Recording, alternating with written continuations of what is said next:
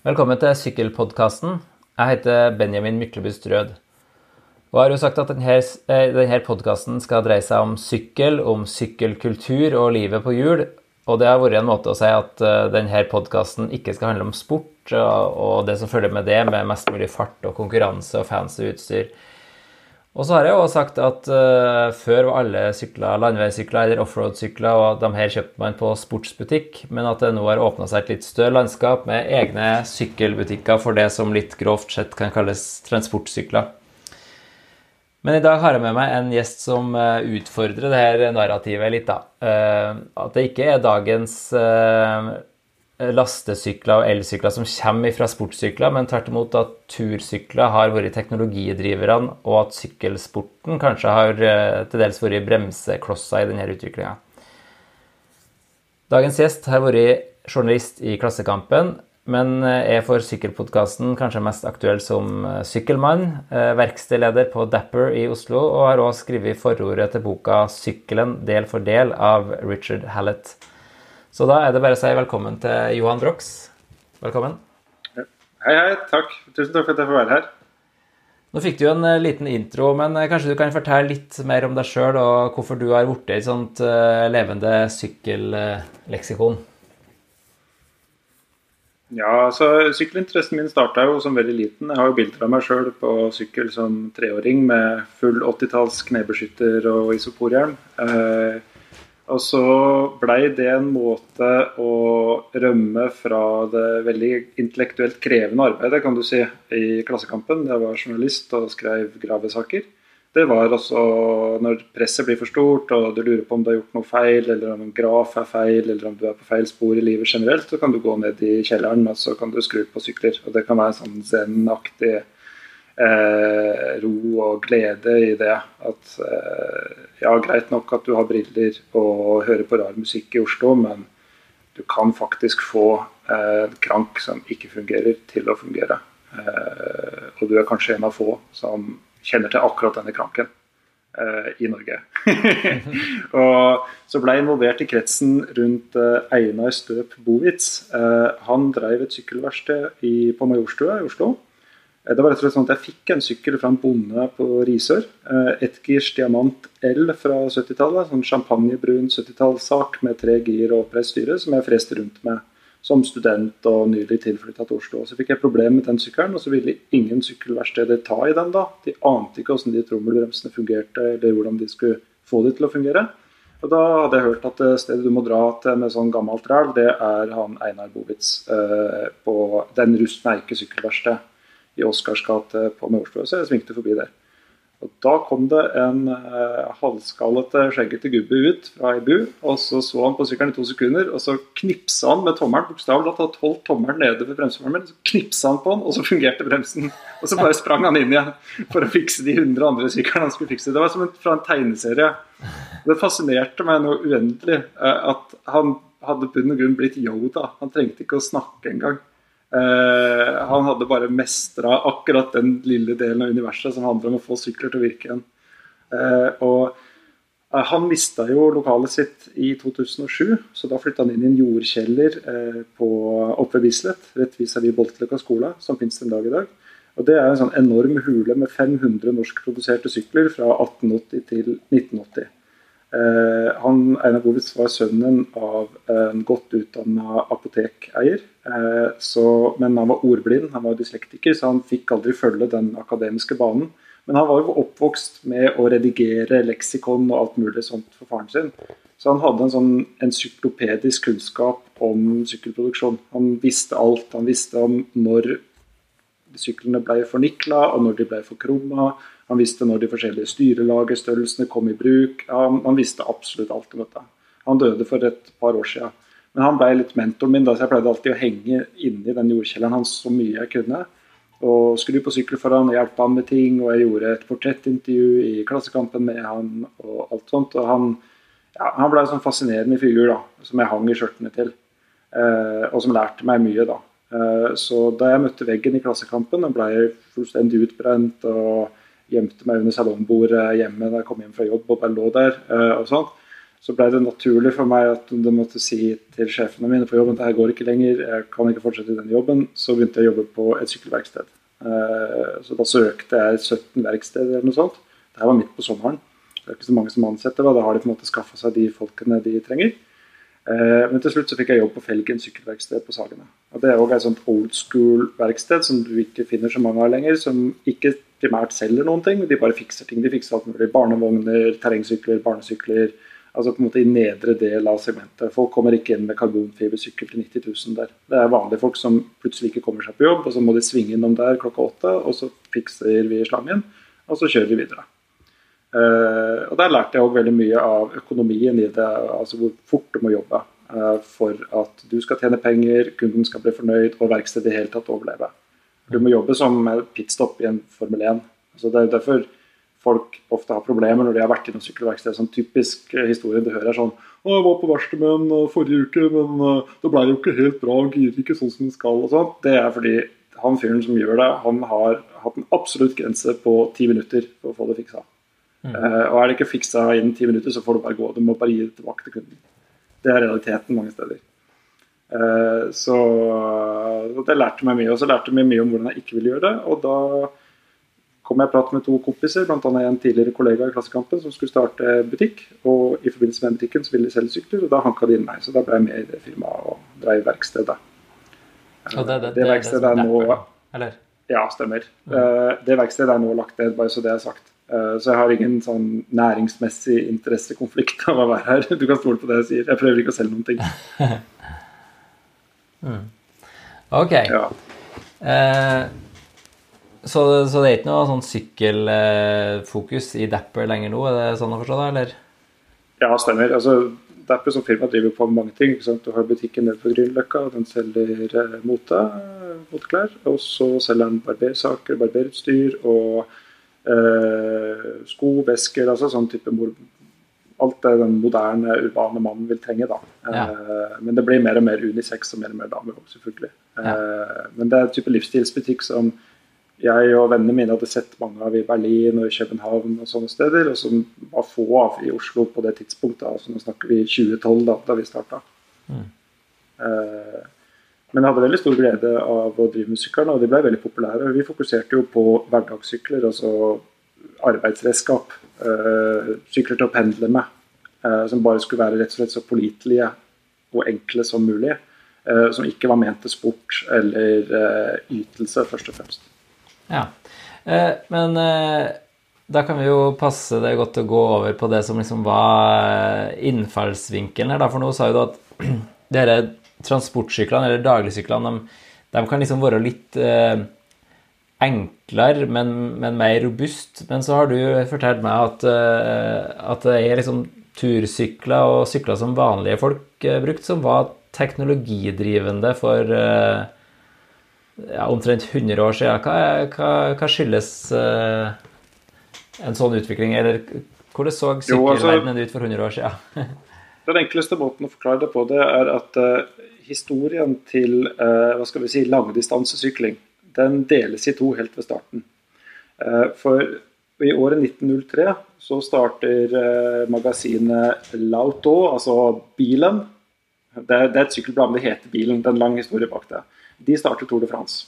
Som vi alle kjenner, og som er verdens største årlige idrettsarrangement i dag. Det er det største målt i antall TV-tittere av idrettsarrangementer. En enorm sport. Det starter i 1903.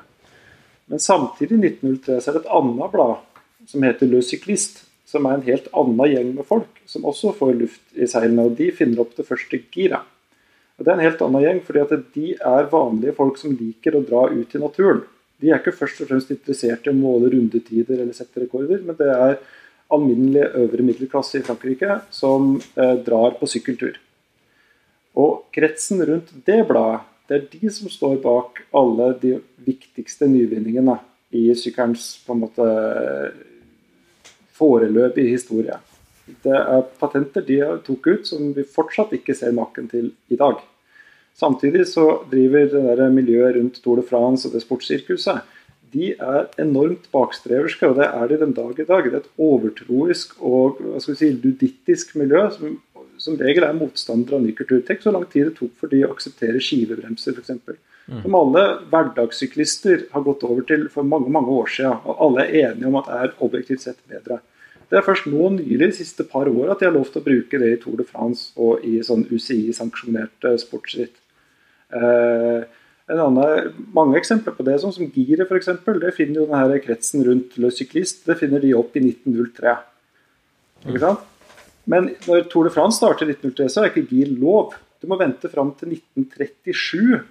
Altså 34 år etter at de har funnet opp et fungerende girsystem. Mm. Så får de lov til å bruke det i Tour de France. Og det etter at grunnleggeren av Tour de France, Henri Descange, er ute av ledelsen. Han får lov til å bestemme at det ikke skal være lov å bruke gir i 34 år. Mm. Ikke sant? Og Det sier noe om holdninga i det miljøet. At de er først og fremst interessert i å se mennesker og menneskelige ytelser. De er ikke interessert i å se eh, hva skal vi si, tider og hastigheter som bedres og bedres pga. teknologien har blitt bedre. Mm.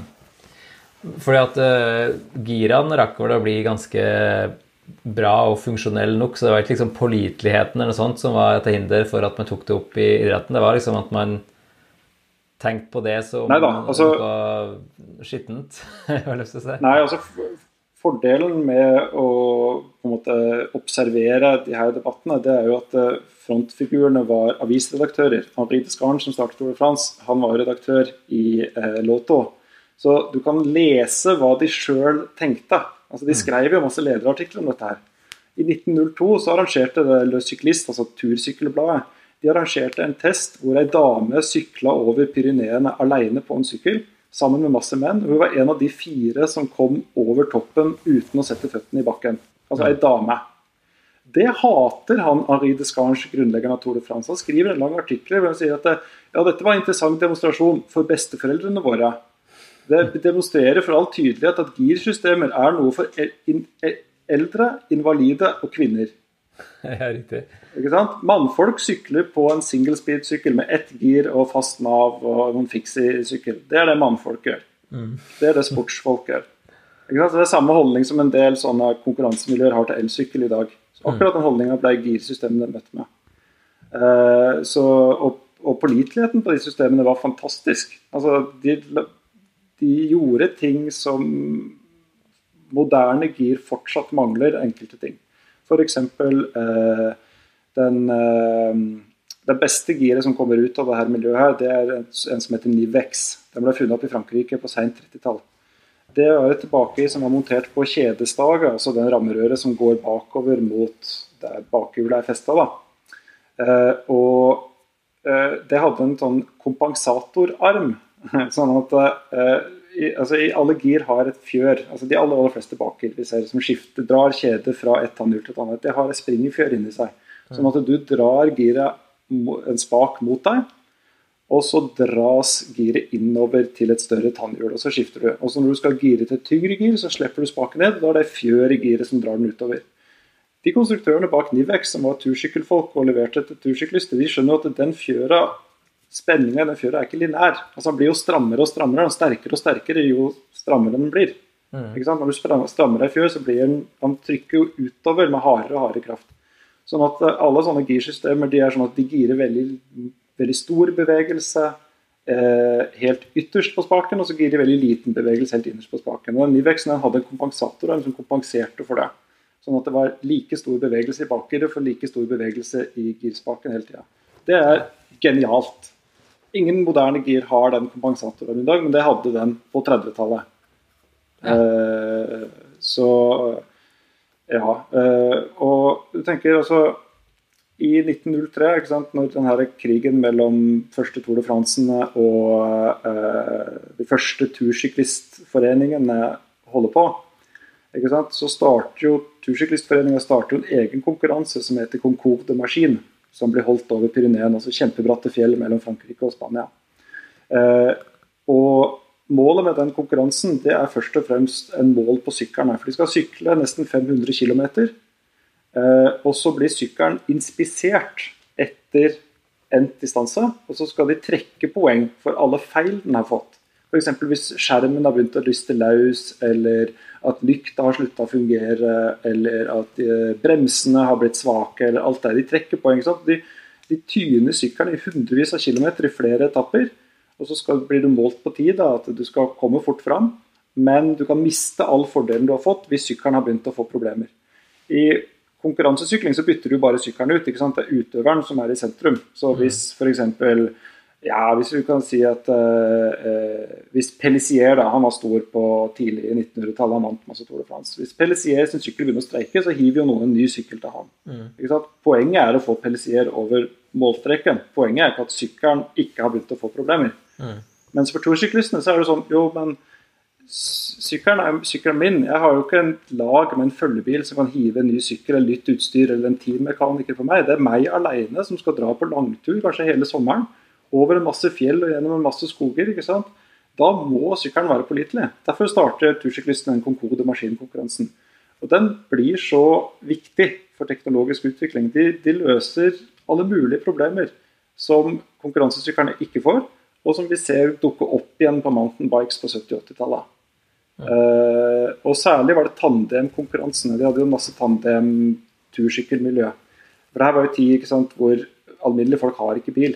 Så yngre par som har lyst til å dra på ferie, de kan enten dra på togferie. De kan ikke dra på flyferie, f.eks., for, eksempel, for det finnes jo ikke noe sånn overkommelig flybillett ute og går. Det er noen få gærninger og forretningsfolk som kan dra i fly, men det kan ikke du som vanlig fabrikkarbeider eller lavere funksjonær. da. Så hva ender de opp med å gjøre, alle disse folka som har et stort, utstrakt land med masse veier og severdigheter, og de skal dra på ferie, og de er i en alder hvor de ja, 30-40-årsalderen, hvor 20-30-40-årsalderen hvor de kan dra på fysisk krevende utflukter, jo, de sykler. Det blir den store greia. Og yngre ektepar de ønsker seg gjerne en tandem i bryllupspresang. Eh, som er en investering som de har resten av livet. Og den drar de på ferie med. Og Den skal da klare å tilbakelegge enorme avstander uten noen som form for support. Den skal kunne kjøre i mørket, så den må ha gode dynamolykter som ikke går tom for batteri. Han skal holde rytterne tørre, så han må ha heldekkende skjermer. Han skal ha med seg masse bagasje, så man har med solid og fungerende bagasjebrett. Og den kan ikke være blytung, for da klarer du ikke å dra fra den ene enden av landet ditt til den andre. Mm. Så dette er jo en mye større krav på en sykkel enn å holde ut i én etappe i ett løp til den blir bytta ut av en annen sykkel. Ikke sant? Mm. Eh, det er en mye mer krevende oppgave, og derfor blir syklene mye mer teknologisk avanserte, og derfor blir de òg mye dyrere. Ja, men det, det, jo, høres ut som en eh, veritabel sånn produkttest, egentlig. da, altså De som kom bra ut i, i sånne tester, måtte jo være kom kommersielt eh, bedre ut av det på 30-tallet og sånn, da, eller? Uh, ja da. Uh, altså, du kan jo si som så at uh, den viktigste epoken av nyvinning den kommer før massebilismen, og ikke minst i Sør-Europa så er det gjerne mopeder og motorsykler som overtar på en måte sykkelen sin rolle som pendlerverktøy og utfluktsverktøy. da. Mm. Men den viktigste perioden er gjerne fra 1934 til 1949. Da utvikler de helt insane mange ting. Eh, hvis du tar en dyr fransk tursykkel fra 1948-1949, så har de altså de har forsegla kulelageret. Altså, det er kuler som er pressa inn i en ring. Det er sånn som kulelager ser ut på alle moderne sykler i dag. Det har de på 30-tallet. Det får ikke racersykler før ut på 80-90-tallet. Mm. Eh, de har eh, de har kompaktkrank. Altså en, en krank hvor du kan skru på veldig små tannhjul for å få veldig lette gir. Det har ikke racersykler før på 2000-tallet. Fram til 2000-tallet så blir alle de populære syklene de blir solgt ut ifra en forventning om at de som skal bruke de, er topptrente eliteidrettsutøvere. Så de er kjempetunge gir. ikke sant? Mm. Mm. Men i 1948 så vil en fransk tursykkel ha veldig lette gir. Han vil ha en kompaktkrank på ja, 46 tenner ytterst og 24 tenner innerst. Altså Sånn som de først begynner å komme nå på gravel-sykler mm. på 2010-tallet. Han vil ha gjengeløse styrepinner, altså styrepinner som er festa rett i gaffelrøret, da det er røret som stikker opp fra gaffelen. Som er lettere og stivere og bedre på alle måter. Det har de på 30-tallet. Det kommer først på mountainbikes på 80-tallet, og så kommer det på racersykler ut på ja, 2000-tallet, 19, sent 1990-tallet. Uh, og de har through axle-systemer, altså aksling som går tvers igjennom uh, navnet, og så er skrudd fast i selve sykkelen. Uh, det har de, det begynner første racersykler å få nå på 2010-tallet. I 1936 så kunne du velge mellom tre forskjellige aluminiumsrammetursykler i Frankrike. Altså I 1936 så hadde hele sykkelen laget i aluminium. Du kunne velge om du ville ha en som var skrudd sammen som et IKEA-møbler, eller sveisa sammen, eller lodda sammen. Alt mulig. Altså, det var sykler som veide, altså komplette tursykler som veide ca. 8 kg med bagasjebrett, vesker, skjermer, lykter, alt sammen. Det greier de fortsatt ikke å lage. Mm. Og En moderne karbonfiber tursykkel veier mellom 9 og 10 kg.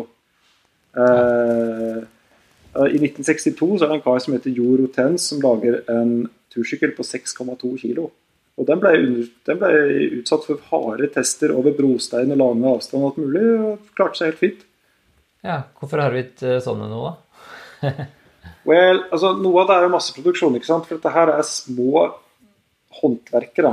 ikke sant? De kan mm. lage en optimalisert sykkel. De kan ta utgangspunkt i én konkret kunde og si ok, hvor tung er du? Og så er karen kanskje bare 64 kg og 1,70 høy, ikke sant? eller 1,60 et eller annet. Uh, og Da kan de spesialisere. ok, Da vil jeg ha et topprør i ramma som er 0,3 mm tynt øverst. Det funker ikke til en kar på 90 kg og nesten to meter. Mm. ikke sant? Det blir altfor tynt, altfor svakt. Men til han lille fyren så fungerer det supert. Og da kan vi få en lettere sykkel. Ikke sant? Vi kan drille høl i felgebrønnen inni felgen. Og så kan du finne ut ok, hvor er det overflødig materiale i den felgen, hvor kan vi bore det bort. Mm. Eh, til akkurat denne rytteren, til akkurat det han skal gjøre. Ikke sant? Så du kan finpusse dette her, bokstavelig talt med fil eh, og en drill. Eh, og teknikker som du aldri kan gjøre på masseproduksjon. Altså, jeg har samla på gamle stålsykler lenge. ikke sant? Og hvis jeg tar en konkurransesykkel som jeg har fra 70-tallet, og veier gaffelen på den sykkelen, så veier den rundt 600 gram. Hvis du tar en moderne, en moderne stålsykkel og veier gaffelen på den, så er den ofte over ett kilo. Altså nesten dobbelt så tung. Og det har nok noe med eh, at det skal være idiotsikkert. De som kjøpte en konkurransesykkel på 70-tallet, de hadde forståelse av hva dette her var. Altså, det, du kan ikke hoppe ned trapper med den sykkelen. Mm.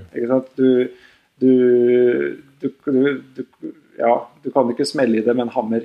Men de som er ute etter en stålsykkel nå, de har valgt bort karbonfiber, de har valgt bort aluminium, de har valgt bort alle de liksom, state of the art-materialene, og så vil de ha noe som de ser for seg at skal være en tank.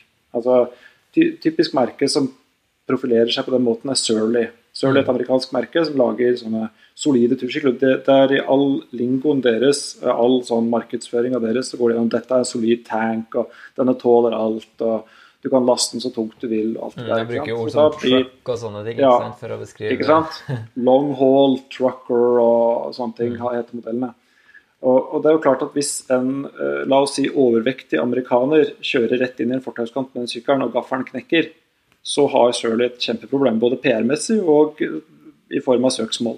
Mm. Ikke sant? Så Derfor er den grisetom. Eh, hvis du optimaliserer en sykkel til å kjøre på sånn og sånn underlag med sånn og sånn last, så kan han bli halvparten så tung i stål. Mm. Eh, ja.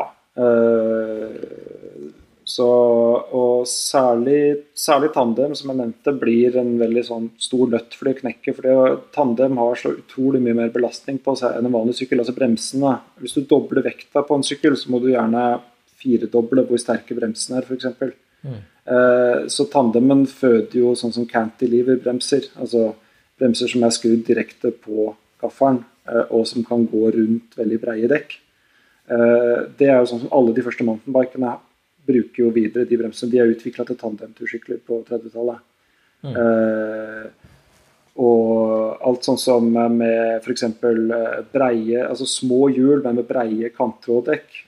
Alt det tar jo mountainbike opp igjen på 70-80-tallet. Alt det ble utvikla for, eh, for tursykler, og spesielt tandemer på 30-40-tallet.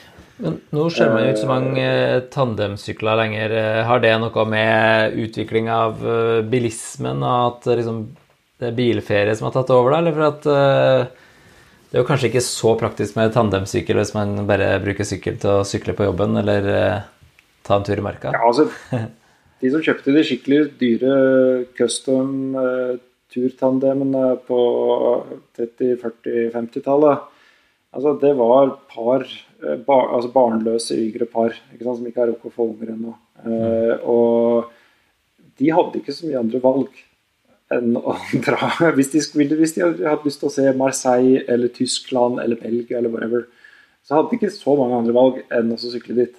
Mm. Eh, men et ungt par som har lyst til å se verden i dag, du kan booke billetter på Ryanair. Koster kanskje under 1000 spenn, så kan du dra til Thailand og se elefanter og så fly tilbake igjen. Hvorfor skal ja. du blakke deg på en tandem, da? Ja. Altså, og så må du tenke deg at Biltrafikken er en helt annen. altså Selv om du personlig ikke kjører bil, så blir du møtt med alle andre som kjører bil. Mm. Og Den har jo mangedobla seg. altså Noe av grunnen til at sykling er så stort i Norge på 50-tallet f.eks., det har jo med å gjøre at eh, det har vært en verdenskrig og en tysk okkupasjon imellom. ikke sant? Og da er jo alt strengt regulert i hele det norske etterkrigssamfunnet. ikke sant? Tilgang på alt. Og det som er regulert lengst uh, av sånne store forbrukergoder, det er bil. Mm. Så fram til 1960 så er det ikke lov å privat importere en bil. Altså Du må sitte deg på ventelista, og så må du bli tildelt en bil. ikke sant? Sånn Fylkeslegen for den første bilen, eh, brannvesenet for den andre bilen, lensmannen for den tredje bilen og sånt. Og har jo, SSB har jo forska litt på det og sett at nesten ingen søknader om å få bil blir innvilga. Kun 3-4% av søknadene på 50-tallet blir innvilga. Så resultatet er at det er færre biler på veien i Norge på slutten av 50-tallet enn det det var 20 år før, på slutten av 30-tallet. Eh, så du har et veinett som du kan bruke, og som du knapt kommer til å møte en bil på. Og da er jo selvfølgelig, Det er jo ypperlig for sykkelturisme. Altså, du kan dra til Nordkapp uten å møte en bil. Sign me on, liksom. Mens eh, nå, etter på en måte privatbilismens eksplosjon og begynnende tilbakegang, kanskje vi kan si det, så er det så mye biler overalt på alle de beine veiene at eh, du skal være litt mer spesiell i huet for å ha lyst til å ligge liksom langs E18 med biltrafikken der eh, i regnvær. ja. kanskje ville være tidligere. Men, men, er det sånn at liksom, Du nevnte jo at uh, motorsykler og mopeder i Sør-Europa og kanskje biler i, i Nord-Europa tok over litt for sykkel, men, men har det liksom hindra teknologiutviklinga på sykkel òg, eller? Ja, altså det er litt sånn som ja, hvis, hvis, du, hvis, du, fordyper det på en måte i greske oppfinnelser i antikken selv, altså hva skal vi si eh, før Romerriket tar over, mm. eh, så vil jo enhver sånn skoleelev som leser om alt det de fant opp, altså Demokrit Han teoretiserer atomens eksistens. De lager de første dampmaskinene. Eh, de lager store, avanserte mekaniske konstruksjoner. Sluser, eh, vannpumper. Alle ting sant, som du vanligvis forbinder med den industrielle revolusjonen 2000 år etterpå. Så vil jo alle lure på ja, hva hadde de funnet på hvis det ikke hadde vært noe vulkanutbrudd eller romersk okkupasjon eller svartedaud eller nothing imellom. Altså Hvis de bare hadde fortsatt i rett linje fra Arkimedes, mm. hvor ville vi vært i dag? Litt sånn er det med sykkelen òg. Du ser alt bare stopper opp ganske kjapt på 60-tallet.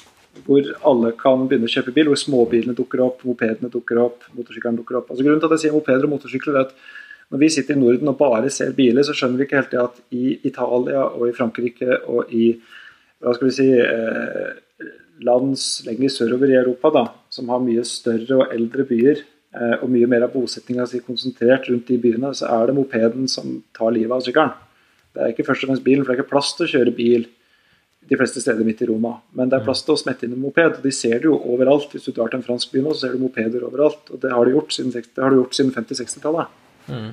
Uh, og de fyller veldig mye av samme funksjon på sykkelen. Du kan parkere den overalt, du kan komme inn overalt, du kan ta med deg bitte litt bagasje, du kan dra på tur. Unge folk kan bruke den overalt. Uh, så det blir veldig lett å gå fra å ønske seg en fancy sykkel til å ønske seg en fancy moped.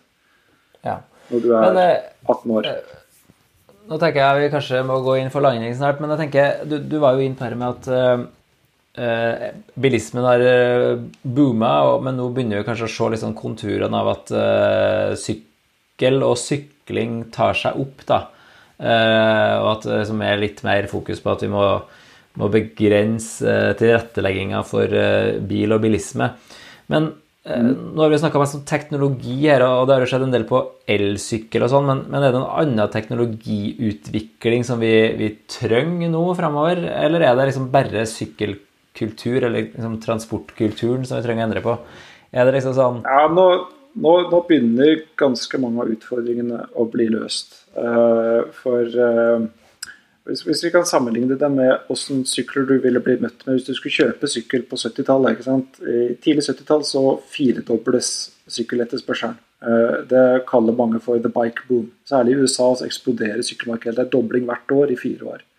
Ja, så Da snakker vi kanskje om en 16-dobling totalt av sykkelsalget. Eh, også de syklene som for Da har allerede den amerikanske befolkninga slutta å sykle. De har kjørt gått over til bil for lengst. Mye tidligere enn oss her i Skandinavia. Eh, men det er en gjeng med hva skal vi si, eh, venstreorienterte, eh, friidrettsinteressert ungdom rundt amerikanske universiteter og campuser som begynner å sykle på gøy, altså som, som hobby. Og de syklene de kjøper, er jo selvfølgelig konkurransesykler, inspirert av italienske konkurransemaskiner. Og det er jo den sykkelkulturen vi importerer utover på 70-tallet. Hvis du blar opp i en uh, sykkelkatalog fra seint 70-tall, tidlig 80-tall i Norge, så er det bukkhornstyrer og smale dekk som gjelder. Helt fram til du kommer til siste side. Da er det kanskje to sånne damesykler med oppreist styre og tregir og som ingen bryr seg om. Ingen ønsker seg de, men noen må da resignere seg med å kjøpe en sånn maskin. Bestemor kan kjøpe den. Uh, og, så det vil si at det du skulle dra på tur med, f.eks., på slutten av 70-tallet. Det ville vært en sykkel med kanskje 23 mm breie dekk, altså kjempesmale dekk. De ville da være pariserdekk, som du må sy sammen igjen hvis du punkterer. Eh, den har ikke noe feste til bagasjebrett, den har ikke noe feste til skjermer. Eh, den har ikke noe komfortabel sittestilling. Eh, ikke sant? Da kan vi snakke om en slags bunnotering for teknologi og tursykling. Da har ting stått stille på den fronten. Den sykkelen vil se mer eller mindre lik ut som en konkurransesykkel ville gjort på slutten av 40-tallet, tidlig 50-tall. Det har vært en stagnasjon veldig lenge. Eh, så nå ligger du altså Hvis du skal gå ut og skaffe deg en sykkel til å dra på lange turer med uten noe support, og du skal bo i telt og lage mat i primus og sånt, nå får du tak i mye bedre ting enn du gjorde på 70-tallet. Men fortsatt ikke så bra ting som du kunne få tak i på slutten av 40-tallet. Vi har fortsatt lite stykke å gå. Uh, selvfølgelig har det skjedd bra ting som de ikke hadde på 50-tallet. Lykter har blitt veldig mye bedre. De, de hadde ikke LED-pærer på 50-tallet, så alle dynamoer var kjempetunge, store, tunge og klumpete og krevde masse masse krefter. Det gjør ikke en dynamo i dag. I dag kan du ha en dynamo som er bygd inn i forhjulet og ikke tar noe kreft i det hele tatt, og kan lage nok strøm til å lade iPhone f.eks. På tursykkelen min så hadde jeg kobla dynamoen rett til mobilen gjennom USB, sånn at jeg kunne ha Google Maps på full lysstyrke og så navigere med mobilen. Det kunne du ikke gjort på 50-tallet. Mm. Uh, men uh, nå får du tak i sykler med mye bredere dekk, som kan gå over grus, som kan gå over eh, brostein, alle de underlagene du kommer til å møte på når du skal gjennom Norge. vi er kjent for å ha dårlig asfaltkvalitet, så det er veldig greit med en tursykkel i Norge. At den har breie og gode dekk, altså lette dekk hvor de har brukt på en måte materialene og teknikken fra smale konkurransedekk og lagd et brettdekk. Det får du tak i nå. Uh, og Du får tak i sykler som har plass til, du får tak i sykler som kan montere skjermer. Uh, du får tak i sykler som kan montere bagasjebrett. Det er noen ting som de sliter med å, å løse ennå. F.eks. Uh, eh, de aller, aller fleste sånn sykkelprodusenter vil av en eller annen grunn ha all bagasjen bak. Det er i mine øyne suboptimalt. I den grad du kan, fylle opp bagasjen foran på sykkelen, så framt sykkelen er laget for det. Det er rett og slett fordi at eh, all vekt som henger på gaffelen, den styrer du med hendene. Du har hendene på du har akkurat hendene der den styrer den. Du kan peke retning på den sjøl, mens all vekt som henger bak på sykkelen, den følger etter forhjulet. Så med en gang du begynner å stå og trø, f.eks., så får den, all den tunge væskene bak på sykkelen, de får halen til å vagge. De kaller det eh, når halen logrer bikkja-effekten. Eh, at du mister kontroll over sykkelen din. Dessuten så må hele ramma den må beefes opp kraftig for å holde oppe den ekstra bagasjen, la oss si 15-20 kg bagasje. Du må gjøre ramma mye kraftigere og dermed tyngre for å håndtere den vekta. Mens all vekta du setter på gaffelen, det håndterer gaffelen allerede. Rett og slett bare være så sterk at den fungerer som en gaffel, så tåler den den vekta. Det henger på styrelageret. Derfor kan du ha mye tyngre vekt, og så kan resten av sykkelen fra gaffelen og bakover være kjempelett og delikat eh, fartsmaskin. Mm. Så du får en mye kjappere og artigere sykkel ut av det. så det har de fortsatt ikke helt knekt koden på. Eh, et problem med skivebremser det er at du må stive opp alt av gafler og ramme for at ikke skivebremsen skal slite i stykker ramma. Eh, og da får du en gaffel som ikke demper og fjører så mye som en felgbremsgaffel kunne gjort. og sånt. Men det er sånn, det er småtteri. Det som først og fremst står igjen med nå, det er det du sier, at den mentaliteten at uh, vet du hva, det går faktisk an å dra på sykkelferie, til og med med unger. I, nå er de sykkelvognene med Tula og sånt, de har blitt så bra at unger kan sitte i komfortabelt over normale avstander for å dra fra en by til en annen, eller dra opp i skogen og campe og være der en stund og dra videre. Det går fint. Uh, jeg tror i veldig mange folk sine husholdningsbudsjetter så ville Homo economicus ville sagt med en gang at kvitt deg med bilen. Altså, nå bor jeg i Kolbotn, ikke sant. Og det er eh, ja, det er 27 minutter å kjøre, kanskje, hvis det ikke er noe kø på motorveien. Men det er det alltid når du skal på jobb. ikke sant? Så kanskje i praksis så blir det tre kvarter. Er i verste fall en time å kjøre. Og det er da, da har du sunket kanskje 200 000 inn i en bruktbil som er fem år gammel allerede, og som koster deg enorme beløp hvert år i forsikring og årsavgift og bensin og verksted og alle de tinga der. ikke sant? Alternativt så kunne du bare hatt en tursykkel som du brukte til ferie uansett, som du sykla eh, på god sykkelvei med til og fra jobb hver dag, som kosta deg peanuts i året. Selv om du kjøpte en tursykkel til 50 000 diskontert over alle åra du kommer til å bruke den, så blir det fortsatt det blir, det blir fortsatt mindre enn en å skifte forstillinga på bilen én gang. ikke sant? Eller fòring i, i stasjonsvogna én gang. Eh, så ja. Uh, eller du kunne hatt en sammenleggbar sykkel og sykla til jernbanestasjonen, klaffa den i hop, tatt toget De går gratis på alle tog i Norge. Og så mm. slått den opp når du kommer fram, og så slipper du å forholde deg til alt sånn trikk og buss og alt sånn forsinkede mellomledd når du kommer til sentrum. Mm. Eh, så ren sånn kynisk vurdering av det, så ville veldig mange nordmenn måtte kvitta seg med den der enorme firehjulsdrevne 180 hesters bilen sin. Altså. Det er irrasjonalitet som ligger bak at den står der. Ja, riktig. Ja, eh, da tror jeg jeg skal takke for at du ble med på podkasten, Johan Brox. Jo, sjøl takk. Det var veldig artig å prate med deg. Yes. Og så tenkte jeg, og jeg kan jo minne om eh, episoden med Hulda Tronstad i Elbilforeningen, som jo forteller om eh, elsykkelferie, da, som vi har hatt her på podkasten. Og hun går det an å følge på Elsykkeltour på Instagram òg. Og følg også gjerne Sykkelpodkasten på Instagram, og gå til sykkelpodkasten.no for å gi innspill til hvem eller hva du har lyst til å høre om eh, videre på Sykkelpodkasten. Takk igjen, eh, Johan.